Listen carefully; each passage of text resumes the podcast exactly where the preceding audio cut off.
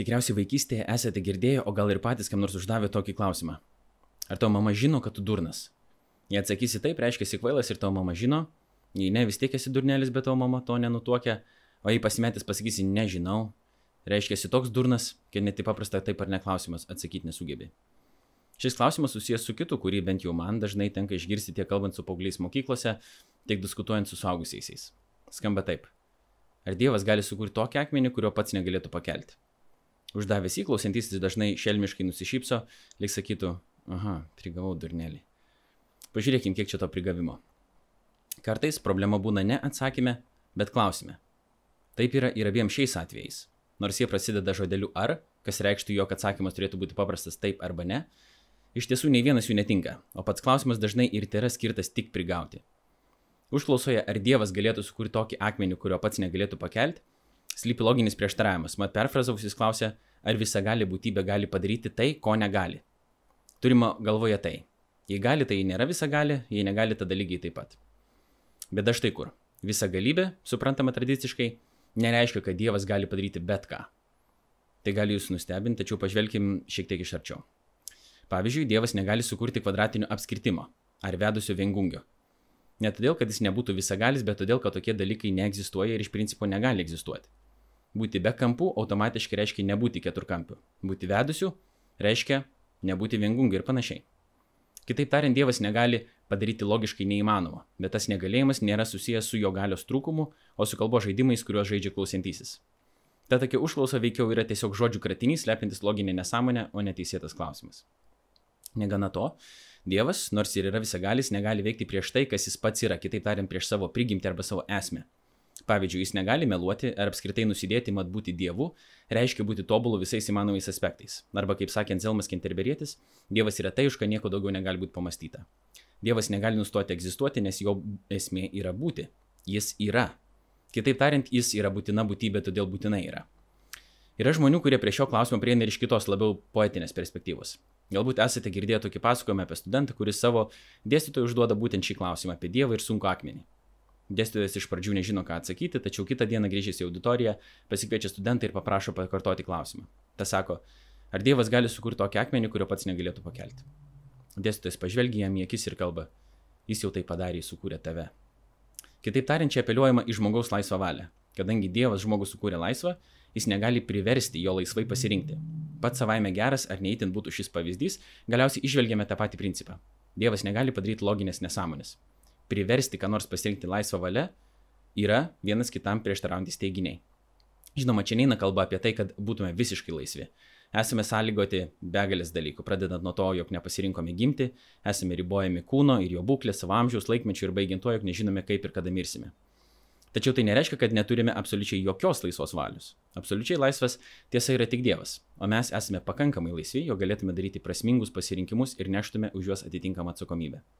Kitaip tariant, konkrečioje situacijoje turime realų pasirinkimą tarp variantų A ir B, o ne tik įsivaizduojamą. Galiausiai visa tai, kas išsakyta, nereiškia, jog Dievas negali padaryti tokių dalykų, kurie žmonėms netrodytų logiški. Pavyzdžiui, kai kam atrodo, kad yra neįmanoma, jog tobulas Dievas galėtų prisimti žmogišką prigimtį, ar jog viena būtybė Dievas galėtų egzistuoti trijose asmenyse. Abu šie dalykai yra esminiai krikščioniški įsitikinimai, kurie kai kam atrodo nelogiški. Nebūtinai logiški jie rodosi net ir kai kuriems krikščionims. Pavyzdžiui, Teologas ir filosofas Sorenas Kierkegoras Dievo tapimą žmogumi ir jo mirtį ant kryžiaus vadina paradoksu, net absurdu. Tačiau jis nesiūlo šių įsitikinimų atmesti. Atvirkščiai, pulti į gyvojo Dievo rankas pasitikint būtent juo, nors to ir nesuvokiant savo protų. Kita vertus, imdamas Abromą kaip pavyzdys atskleidžia, kad teigiamas Abromo atsakas į Dievo liepimą paukoti savo sūnų Izoką, kurio beje, kaip tikriausiai žinote, jam iš tiesų paukoti ir nereikėjo, o Dievas aukai parūpino pats, iš šono atrodo kaip visiškai beprotiškas, nepaklūstantis jokiai logikai. Tačiau Abraomas, nors iki galo ir nesuprasdamas viso to prasmės, vis tiek ryštasi kliautis Dievu, o istorija baigėsi visiškai kitaip nei bet kas tikėtųsi. Trumpai tariant, Dievo logika, kuri mums gali atrodyti nelogiška, iš tiesų ne visada yra visiškai žmogiškai logiška. Mat, kaip parašyta mano mintis, nėra jūsų mintis ir mano keliai nėra jūsų keliai.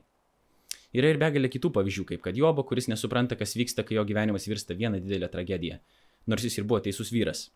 Pagal žmogišką logiką, kai po to aiškina ir jo draugai atėjo jo paguosti, jis privalo būti ką nors prisidirbęs, tada dabar gauna ko nusipelnęs.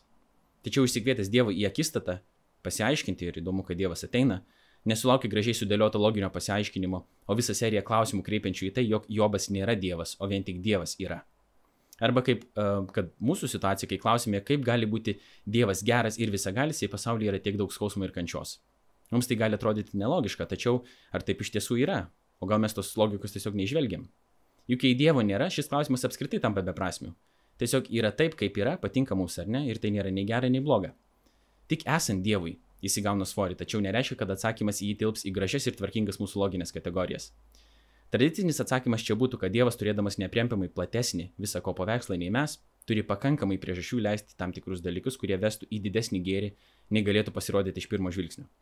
Dažnai tai patiriam ir savo gyvenimuose. Kiek kartų esam buvę įsitikinę, kad tam tikra situacija ir sprendimas yra labai geri, o iš tiesų tai pavirsta į tragediją arba atvirkščiai. Trumpai tariant, kadangi esame riboti, yra nieko keisto, jog dieviškoji logika peržengia mūsiškąją. Tad Dievas pats būdamas grinas protas, intelektas, ne chaoso, bet tvarkos Dievas ir racionaliai sukūręs pasaulį, kuriame logika apskritai įmanoma, veikia ir leidžia tam tikrus dalykus savo begalinę išmintimi. O mes, nors dažnai jos perkasti ir nesugebėsime, nereiškia, jog ji neegzistuoja. Tėvų logika vaikams dažnai netrodo logiška, kol jie geriau su jais nesusipažįsta, nepauga ir nepažvelgia į pasaulį savo tėvų žvilgsnių. Kita vertus, kvadratiniai apskritimai, vedė viengungiai ar akmenys dievui per sunkus pakelti nėra dieviškosios, viržmogiškos logikos pavyzdžiai, o tiesiog žodžių kratiniai slepinti savyje vidinį prieštaravimą. Na, o jeigu kas nors su manim nesutiktų ir priimtų tokią poziciją, kad Dievas gali padaryti tokius loginius prieštaravimus, tada klausime, keliamos problemos apskritai nebelieka. Ir atsakymas būtų buvęs žymiai trumpesnis. Laikykitės, o aš eisiu pasirengę akmenukų į savo daržą.